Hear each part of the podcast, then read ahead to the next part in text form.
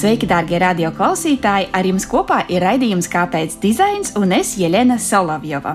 Pēc garākas pauzes vasarā esam atgriezušies ēterā, lai turpinātu sarunu par dizainu un tā tik dažādajām izpausmes formām. Tā kā radio sezonas atsākšana mums raidījuma veidotājiem ir svētki, tieši šai tēmai arī veltam pirmo rudens epizodi. Pasaki man, kā tu svini svētkus, un es pateikšu, kas esi tu. Savulaik sacīja mākslinieks, dizainers un leģendārās Bauhaus skolas pasniedzējs Oskars Šlemmers. Būdams teātra nodaļas vadītājs un neoficiāli arī Bauhaus svētku un festivālu dizainers, Šlemmers rūpējās par to, lai Bauhaus svinības ir atbilstošas skolas radikāli radošiem garam. Šodien pie mums viesos arī es atļaušos jūs tā nosaukt svinību dizaineri. Evija Celme, Rīgas domas priekšsēdētāja priekšsēdētāja biroja vadītāji un Mārtiņš Mielovs, pasākuma organizētājs un Fonstrītska villas vadītājs. Sveiciens! Labdien! Un šodien mēs ar jums sarunāsimies par to, kā svētki tiek veidoti, dizainēti tātad un svinēti galvaspilsētā. Kā jums šķiet, kāpēc pilsētniekiem vispār ir nepieciešami kopīgi svētki? Kāda, jūsuprāt, ir svētku loma pilsētām? Ja drīkst, es sākšu, jo es par to eh, kādu laiku esmu domājis, un eh, šī vasara arī bija citādāka. Pirmkārt, tāpēc, ka bija pēc Covid vasara un beidzot varēja svinēt, bet uh, otrkārt arī tāpēc, ka mēs pamainījām Rīgas uh, svētku svinēšanas uh, konceptu. Un um, tās divas lietas, par ko es domāju, kāpēc ir vajadzīga pilsētā svinēšana, ir, lai radītu piederības sajūtu pilsētai, un otrs ir, lai radītu kopības uh, sajūtu pilsētniekiem un uh, iespēju iepazīties vienam ar otru. Piemēram, mēs pētījām, kāpēc Igaunijā vairāk cilvēki jūtas piederīgi, piemēram, Tallinas pilsētai. Tur katrs Tallinas iedzīvotājs uzskata, ka viņa mājoklis sākas pie tuvākā sabiedriskā transporta pieturas. Es domāju, ka šādu piederības sajūtu var radīt gan ar kultūru, gan ar izglītību, bet ar to ir ļoti, ļoti jāstrādā. Un es domāju, ka svinēšana ir viens no veidiem, kā to darīt.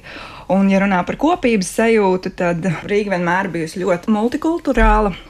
Mums ir ļoti daudz iedzīvotāju, ar ko runāt no dažādām grupām, piemēram, ārvalstu studenti, kas mums šeit ir tūkstošiem dāņu no dažādām kopienām, no dažādām pasaules valstīm. Tāpat arī šī gada uh, Ukraiņas karš ļoti daudz ukrāņu šeit ir. Mums ir jāspēj ar viņiem runāt, un svētki ir viens no veidiem, kā runāt. Jā, man, man šķiet, ka arī stresa noņem pilsētas iedzīvotājiem. Vienkārši viņi ir tā kā svarīga tāda funkcija, kas atlaiž uh, tos mehānismus kaut kādas tieši šos, kas sakrājās nogurums, viss pārējais.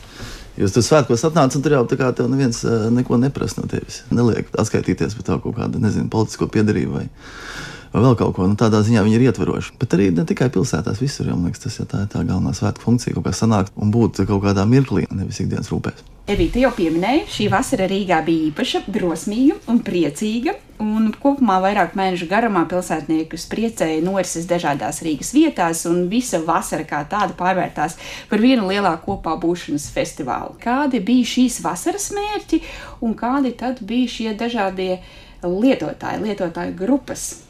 Lietotāji viennozīmīgi rīznieki, kas Rīgā dzīvo šovasar. Mums bija diezgan īsti termiņi, kā organizēt šos svētkus, tāpēc varbūt starptautiskā auditorija nesanāca tik daudz pastrādāt, bet tur noteikti ir potenciāls nākamajos gados. Un mēdījos mēs īstenībā apzināti strādājām uz auditoriju 20 līdz 45 gadu veci rīznieki, kas ir ļoti sarežģīta auditorija. Mums ļoti labi rādītāji arī mēdīju vidē, arī apmeklētības ziņā šī auditorija nāca. Vērmans dārza koncertos varēja redzēt no zīdaiņa līdz nezinu, 80 gadu vecam cilvēkam. Tā, kā, tā auditorija bija ļoti plaša. Jā, vienā rindā sēdēja Rīgas domas priekšsēdētājs un kā tas saucās, cilvēks dzīvo uz ielas, cilvēku grupas dažādās veidā. Viņš vienā rindā klausās visu operu. Un tas ļoti skaisti man šķiet, ka tā pilsētā notiek. Tas tiešām ir iekļaujoši. Tas viss ir, kur es biju visu laiku bija tā kopības sajūta un prieka sajūta ļoti izteikti. Un viņi pat nebija tik ļoti jācenšas kaut kā radīt, cik ārā apstākļi. Un mm. cilvēki uzreiz paši sāk dziedāt un, un darboties, un tas ir skaisti. Un... Vēl viens no mērķiem bija šī piederība. Jo īstenībā tas, ko mēs esam pamanījuši, tas, ka tā piederības sajūta Rīgai nav tik izteikta kā piemēram liepainiekiem, cēsniekiem. Visi ļoti lepojās ar to, ka viņi ir nu, no uh, citām Latvijas pilsētām. Bet rīznieki kaut kā klusē vairāk. Viņi tik ļoti neizceļ to, ka ir rīznieki un mēs gribam šo mainīt. Mēs gribam atgriezt šo sapni, ka tu esi piederīgs Rīgai un ka Rīga ir stilīga un tu gribi šeit pavadīt laiku arī brīvdienās vasarā. Es drīzāk liktu par standartu, ka nevis ka kaut kāda Latvijas mēroga, bet vienkārši tāda, ka Rīga ir Eiropas viena no galvaspilsētām. Un tā pasākuma kvalitāte nekādā veidā nedrīkst būt zemākā kaut kur citur. Tas ir pilnīgi normāls liekas, izējas pozīcija, no kuras arī liekas, šeit mēs diezgan labi darbojāmies. Un... Nu, kā mums bija svētki, principā divu mēnešu garumā, bet nu, jūnijas jau arī bija svētki, arī līgo tika svinēta citā formātā nekā iepriekš. Un uh, divus mēnešus jūlijas, augusts bija ļoti, ļoti intensīvs, jo atnākt uh, tikai uz krastmalu divas dienas vai tas rada to efektu, vai tu runā ar to īsto mērķa auditoriju. Ka tas nav tikai koncerts, bet um, piedāvājām programmu, kur varēja diskutēt, kur bērniem bija aktivitātes. Principā apgājuma svētki bija tādi, kur tu atnāc 12. un 8. aizēja un bija pilna diena ar piedāvājumiem. Un arī mēs kā pilsēta runājām, apgājuma iedzīvotāju centra koordinātori tur bija uz vietas, vietējās biedrības runāja. Tā kā caur šiem pasākumiem arī runāt ar to iedzīvotāju, ne tikai viņam piedāvāt izklaides eh, iespēju, kas ir ļoti būtiski un svarīgi, un to arī ļoti daudz uzsver, varbūt varēja varbūt vēl lielāki būt bet arī šo sarunas funkciju veikt. Tas arī ir būtiski. Nu jā, tā nu, tā drīkst teikt, pēcgarša pēc tiem svētkiem tam cilvēkam, kurš atnāk, ir, ir pilnīgi dažādi. Ja viņš tajos piedalās kaut kā reāli arī mēģinot izdarīt, piemēram, tostu pasakot. Vai vienkārši noskatoties, piemēram, nezinu, koncertu uz, uz, uz milzīgas skatuves. Tā dalības kvalitāte un, un iesaist ir tas, kas ir tas izšķirošais arguments. Tā bija viena no lietām, ko es arī gribēju jums jautāt par to, kā mēs paši pilsētnieki varam līdzdarboties svētku dizainā. Kāda ir secinājuma par to, cik gatavi pilsētnieki ir iesaistīties un teikt, piemēram, tostus? Jā, teikt, tos, es varu tikai tiem, par to pikniku parunāt, kur bija tā iesaist uz tiem drosmes un prieka trenažieriem, kā mēs viņus saucām. Ja? Mums, skaidrs, tas bija tāds leciens nezināmā mazliet, jo mana pieredze pēc tam kaut kādos manos, manos pasākumos kaut kur iesaistīt cilvēku nav viegli. Tas ir tomēr kā, nu, no simts cilvēkiem, varbūt desmit. Bet, bet beigās man liekas, ka no vispār visur tie cilvēki nāca un darīja. Nu, tas teica visu dienu. Atzinās mīlestībā bez apstājas, sešas stundas, kas bija tiešām pārsteidzoši. Mm. Jo tas var prasīt, zinām, drosmi uzkāpt uz liela ekrāna un mikrofonā, vēl laukuma vidū pateikt, ka, ka ir kāda mīla. Un tā, nu arī sešas kūkas bija kas ir liekas, diezgan daudz. Priekš 3 grādu. Priekš 3 grādu karstumu pirmās reizes. Pēc tam tas jau tāds tiešām drosmi prasošs avantūrs, ko mēs tur sākām. Un kūku cept tas nav, tā kā, nu, bet to varētu turpināt. Tā Rīgas kūka, tas jau tāda ļoti kā klasiska un vienkārša lieta, bet man liekas, būtu skaisti, ka viss, gan omas, gan meitenes, gan, gan pavāri, gan žeki nes tās kūkas, un tur 50 kūkas galdu, un mēs visi iet un sirmais testē pa vienai. Kas nebūtu tāda jauna ideja, bet skaista tāda pilsētas svinēšanas tradīcija. Un tā doma bija tāda, ka, jā, nu sāksim un te redzēs, bet, bet es teiktu, ka atsaucība bija, jā. Mums patīkam. kopumā bija tāds ļoti turbo režīms, teiksim tā, un uh, visu cieņu Renātai Lakstiņai, kas bija kuratora un projektu vadītāja šim pasākumam. Tur bija ļoti daudz darba tieši pie tehniskā specifikāciju veidošanas, jo mēs gājām netipisku ceļu. Mēs gājām ceļu ar iepirkumiem, kas bija sadalīti ļoti daudzās lotēs, kur uzvarēja īstenībā katrā no šīm lotēm cits organizators, kas ir tāda nebijusi arī prakse, vismaz Rīgas ziņā, un es domāju, arī citās pilsētās. Jo, nu, piemēram, viesturdārzā prieka parku mirkļus organizēja Satorijas centum, tad mazjumpravas mužā īstenībā organizēja mazjumpravas biedrība, Āgenskalnā arī vietējā biedrība organizēja, Bērmanītī organizēja Fonstrītska vila. Līdz ar to izgājām ar pilnīgi citu vērienu, ņemot vērā, ka mēs uzņēmāmies arī risku. Rīgas dzimšanas diena tap principā 20 dienu laikā. Es nezinu, kā jūs to izdarījāt, bet tas bija maģiski. kā jūs to izdarījāt? nu, tā bez apstājas darot, izdarījām. Un pat tā var strādāt, un tas jau nav nekas sarežģīts ar klipiem un iesaistot. Un mums jau arī bijām safilmējuši. Tur mērs teica, tostu. Viskatītākais klips bija, kur uh, rīznieks, man liekas, 80-gadīgs rīznieks, viņš atzinās Rīgai mīlestībā. Tas bija viskatītākais video klips. Bet kopumā jau bija ļoti labi. Mums katrs organizators skaitīja, katrs organizators taisīja arī svidu analīzi par to, kas izdevās, kas neizdevās, mācības gūtās, un um, šodien arī izvērtēšanas pasākums, un pēc tam mēs arī runāsim vairāk par to, kā nākamos gadus svinēt labāk. Kopumā mēs skatījām, ka vismaz 110 tūkstoši klātienē apmeklē šos svētkus. Un uh, budžeta griezumā tas nāk kaut kā 10 eiro uz vienu cilvēku, kas nav daudz. Rīgā esam izmainījuši veidu, kā mēs runājam ar iedzīvotājiem. Mums ir izveidota šeit apkaimē iedzīvotāju centra ar koordinatoriem.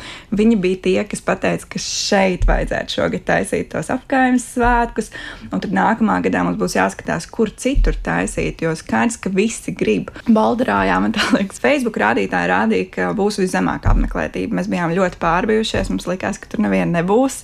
Un beigās tā bija visapmeklētākie svētki, un iedzīvotāji esot nākuši pie apkaimē koordinātora un teikuši, ko viņi ir izdarījuši, lai nopelnītu šos svētkus. tas bija tik ļoti sirsnīgi. Svinēt katru gadu vienus tos pašus svētkus tādā pašā formātā ir viegli, ir forši. Ir droši vien arī auditorijas, kam tas ļoti patīk un kam, kas ļoti pārdzīvo, ka šāda līmeņa svētki vairāk nebija.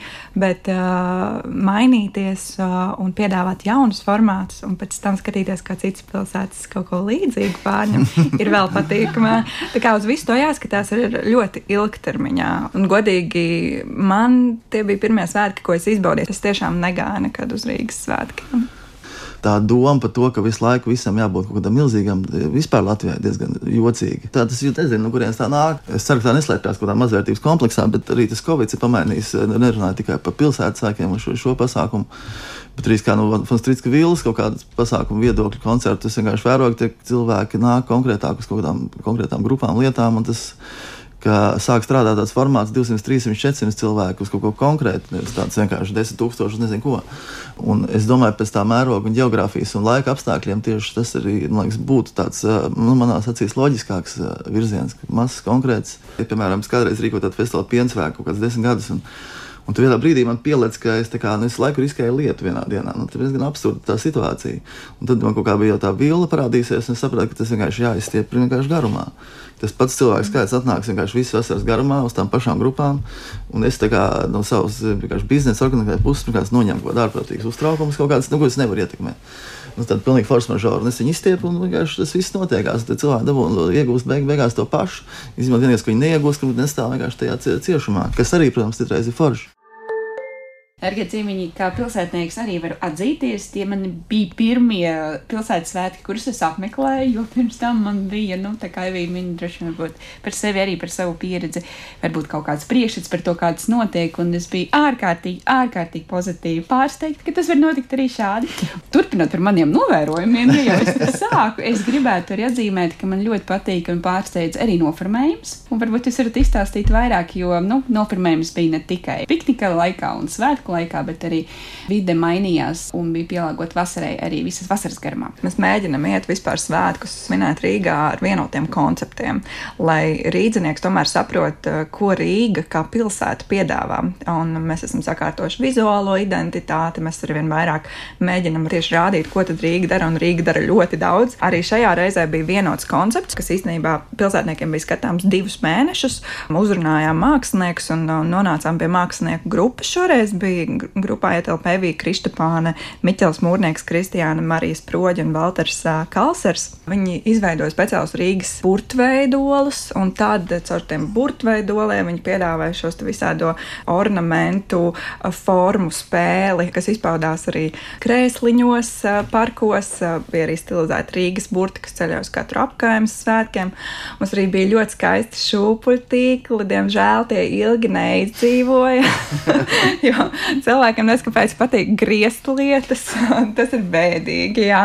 Nu, un tas arī eh, šāda veida uh, publiskās ārtelpas veidošanā arī ir jāskatās kontekstā ar vandālismu, protams, un, un tad ir jādomā, kādus materiālus mēs izmantojam. Bet, principā, gribētos veidot tādu publisko ārtelpu un šos mākslas darbus veidot, kas arī paliek ilgstoši pilsētā, kas arī kā atmiņa paliek no konkrētā svētkiem, no konkrētā gada. Mums bija lampiņas, eh, ko visi negribēja, protams, lai mēs ņemam nost karodziņi. Tā liekas brīnišķīgs noformējums tapa viesturdārzā arhitekta Austra Mēlīša darbnīca bija pašā sākumā, kur parka apmeklētāji tika aicināti taisīt mēbeles, un tad šīs mēbeles tika izmantotas divu mēnešu garumā. Šie krēsliņi jau viņi visu laiku ceļoja pa parku, cilvēki kā viņus grupēja, tur strādāja no rīta un tā tā. Tad viņiem tapa tādi baldahīna veida iekrinamie tādi drēbļu gabali kokos, tajos milzīgajos kokos, kur bērni vienkārši slidinājās, pēkšņi viņi tur uzlien un ņemās, un tur kā visu laiku tā vidi mainījās. Un vēl bija stilīgi, ka um, nogāzās koks, tā, šo te koku sagrieza Rīgas meži un atstāja šos baļķus uh, parkā, un viņus pēc tam izmantoja. Kas arī ir tāds nu, ilgspējīgs risinājums, ka tu neaizvēlas tos baļķus projām, bet viņus lieto iedzīvotāji. Nu jā, man liekas, tā, tā sadarbība starp pilsētu un uh, uzņēmēju un iedzīvotāju. Un tas ir, ir kaut kāds tāds uh, labs dzīves uh, priekšnoteikums. Ka visi tomēr grib vienu lietu un arī pieslēdzās un padomā bišķi plašāk par to tādu. Sildas ir vienkārši patīkami, ka tā tas ir. Bet arī Rīgas dzimšanas dienas noformējums bija kaut kas maģisks, kā ar tādām garām lentām, krāsainām un ar, ar to vēju un to sauli, kā viss pamainījās pēkšņi vecīgi. Tas, ko es dzirdēju, tāda sajūta bija kā Eiropā. Mēs esam Eiropā, bet, bet tas doma laukums bija kā Eiropā. Nu jā, tam, tam būtu jākļūst par normu vienkārši, ka tā tas ir. Bet, bet nu jā, doma laukuma vienkārši bija pa gaisīgumu un tā. Nu, tas jau tas var viss ir vienkārši lietas. Bet, uh, Es domāju, ka nevajag uh, radošam visam bīdīt pa priekšu, un lai kaut ko jaunu izdomātu. Vienkārši vajag sākt darīt labi pamatlietas, tad jau no tā jau arī skatīsimies, kur mēs varam pamainīt. Mēs kā organizatori un pilsētas attaisnām to dizainu, kurā nāk tirgotājs un darbojās. Un viņam patīk, mēs iztikām pēc desmitām frī kartupeļiem, jo tas bija uzstādījums, kas tiek iedots. Un tas ir forši, ka nesmird pēc eļļas, jo liekas kaut kāds sniegs, bet īstenībā tas laiks mir, tas ir, tas ir viena no pirmajām lietām, kas jāņem vērā. Un, un tas viss kopēji jau iedod. Un arī, cik mēs runājam ar tirgotājiem, ar Arnu Bikšu un viņš bija ļoti priecīgs par to, kā, kā tas ir. Un varbūt tās, tas nebija varbūt tās visiem kaut kāds normāls miljonus viens nepelnīja, bet visi kaut ko nopelnīja, pavadīja labu laiku un piedalās vienkārši jaukos svētkos un tajā pilsētas dzīvē. Un jūties tiešām tad arī veidojas tā kaut kāda piederība. Jūs jau vairākas lietas pieminējāt par to, kā svētki var mainīt. Um, paradumus. Arī iedomājos vēl par Rīgas jubileju. Tā man bija diena, kurā es sajūtos, ka, hei, Vecrīga arī ir vieta, kur es vēlos doties. Jo es sen par šo vietu šādi nebiju domājusi. Man liekas, tāds nu, izplatīts varbūt stereotips, ka tā ir vieta turistiem un, un pilsētnieki dzīvo citvietā. Tas bija mans viens piemērs, kā man šie pilsētas svētki mainīja, bet man tā domāšanas veida vismaz uz dienu. Kas ir varbūt jūsu idejas, kas nāk prātā, kāda loma ir svētkiem ārpus svētkiem? proti, kā mēs ar garākiem vai īsākiem svinību brīžiem varam mainīt arī to, kā mēs sadzīvojam kopā ikdienā. Jā, manuprāt, um, vietas var mainīt ar svētkiem. Man liekas, liels stāsts par vērmens dārzu. Mēs, kā Rīgas doma, to estrādi krāsojam divreiz gadā. Viņa vienmēr tiek apzīmēta, viņa katru nakti tiek nesta virsū tās skatuves soliņi. Nu, tur ir vandālisms, mēs tur liekam tās kameras, nu, tur ir problēma. Bet šovasar mēs nokrāsojām estrādi tieši pirms sākās svētki, pirms pirmā koncerta. Un to estrādi divu mēnešu laikā neviens neapzīmēja. Viņa ienesa jaunu dzīvību. Viņa uzlika Dārijas Meļņikovas radītos aizkarus. Jā, mēs un... vienkārši vienkārši šiem paņēmieniem. Aizskars sakopts un tāds nekas tāds lampiņas karodziņš. Kā liekas, nekas tāds, bet tas viss tiešām liekas, kā jādara. Jā. Tas ir tāds basics par šīm lietām. Jā. Bet man arī, arī pārsteidzoši, ka viss sadzīvē. Arī koncerta laikā tur tie šahisti joprojām spēlē šādu. Un tie eh, problemātiskie tīņi tāpat tur sēž malā, bet viss kaut kā viens vienam nemaisās, un viss tas kaut kā notika. Tieši tā, un otrs piemērs uzrunā Mazumpravas mūža. Es zinu, ka vēsturiski, tad, kad viņu atjaunoja, tieši Čangaragas promenādes ceļā, tur, kur velo un liela cilvēku plūsma, diezgan ir arī mēģināja iedzīvināt dažādas pasākumus, kultūras, bet uh, Mazumpravas biedrība teica, nu, ka baigi maz cilvēku nāk un, un grūti iedzīvināt šo teritoriju. Bet viņi atrada formātu, kur cilvēki nāk, un tas izrādās brīvdabas kino. Kā meklējot tos dažādos formātus un iedodot biedrībai iespēju meklēt šos dažādos formātus, kā var runāt ar iedzīvotāju savējo, var atrast veidus un droši vien arī turpināt nākotnē to darīt, pat ja pilsēta to nesponsorē. Zinu, ka ādres čips no, nosponsorē čips bez maksas tiem, kas skatījās kino, un pilsētā ir jāveido attiecības ar saviem iedzīvotājiem, ar saviem uzņēmējiem un tā tālāk. Mm -hmm. Arī tas mērogs var var tapt. Varbūt jau ir kaut kādas ierosmes par 2023. gadu. Padalieties, lūdzu! Jā, mēs īstenībā šobrīd tieši strādājam, un um, mums ir mērķis līdz gada beigām arī radīt trīs scenārijus uh, ar dažādiem budžetiem, ko tad, uh, ko tad var darīt par mazāku budžetu, vidēju budžetu un uh, lielu budžetu, kurā visticamāk varētu būt liela mēroga koncerts arī noslēgumu. Mēs gaidām arī ierosinājumus no iedzīvotājiem. Esam saņēmuši īstenībā ļoti daudz, ļoti daudz pozitīvu ar piebildi, ko darīt vēl. Tas ir rīktīgi stilīgi. Mēs nesen bijām Rīgas Stradiņu universitātē vizītē vietnē, un viņi bija vienkārši sajūsmā par to, kas notika Nordeķu parkā. Tad apkārtējiem iedzīvotāji vienkārši nāca klāt, un viņi, viņi teica, nu jā, beidzot jūs kaut ko šeit darat. Un Rīgas Tradiņu universitāte arī to ļoti novērtēja. Viņi saka, jā, ka tas ir veids arī tiem studentiem, kas paliek vasaru, arī viņiem būt tajā parkā, bet kopumā tā vide arī attīstās, jo tur ir milzīgs īpatsvars šo ārvalstu studentu, kas ir jāintegrē un ar viņiem ir jābūt kopā. Nu, jā, bet man liekas, arī tāds apgājuma aspektam, tāds, kas ir pozitīvs, ka arī tur, tas attīstās tā uzņēmējdarbība tajās vietās. Kaut kā tur tās kafejnīcas ņem gāja kaut cilvēki. Es vairāk visi salikts tajā centrā, visi uz to vienu koncentrējās, un tā konkurence tur milzīga, neviens tur pat nevar. Tam kaut kā tā forši jāizplūst tam visam, un tur katrā viņā kaut kāda sava cilvēks, ko organizēt, man liekas, ir ļoti, ļoti labi. Bet es cerībā raugos, man liekas, Vērmas dārsts noteikti jāturpina. Tā izstrāde ir mazliet jāslabo, jā, jāturpina. Man liekas, viņi, tas, ka viņi atkal atsākusi strādāt savā oriģinālajā funkcijā, tas ir jocīgi, ka viņi to nedarīja līdz šim. Kaut kā visiem bija pagājis garām, bet labi, tas ir ieraudzīts tagad. Un, un to formātu mēs kaut kā labi esam uzķēruši. Tad es ceru, ka kāds vai es vai kāds to darīs turpmāk. Es pateicos, ka varēju piedalīties. Un, jā. Skatīsimies tālāk. Jā, jā nu mums tiešais kanāls ir caur koordinatoriem. Mēs tiešām iegūstam šo informāciju par iedzīvotāju vēlmēm un tiešām mēģinam viņus uzklausīt un tad caur Rīgas lielo birokrātiju kaut ko mainīt. Ir šis līdzdalīgās budžetēšanas programma arī izveidot, kur rīdzinieki arī var pieteikt savas idejas, kuras īstenojās. Viena no idejām tika īstenota Balderājas burti ir uzlikti, iebraucot Balderāja, liela burti Balderāja. Skaidrs, ka pļaunieka purciems ir, man liekas, es tagad eh, varu samelot, trešā vai ceturtā lielākā pilsēta Latvijā. Tā ir skatās pēc iedzīvotāju skaita. Un, uh, tur ir milzīgs potenciāls šim drēliņu kalnam, Ulbrakas kalna pakājai, kur arī bija brīnišķīgi svētki. Ja Jā. man ir ideja, Jā. vai kādam citam, kurš mm klausās, kas man ir jādara? Tā tad uh, var izmantot Facebook. Rīgas konts Facebookā ir, kurā ir mūsu apkaimi koordinatoriem. Katrai apkaimai mums ir diezgan daudz, šobrīd man liekas, jau seši vai septiņi koordinatori. Mēs augam lieli, tad viņiem patiešām tur var rakstīt caur grupu.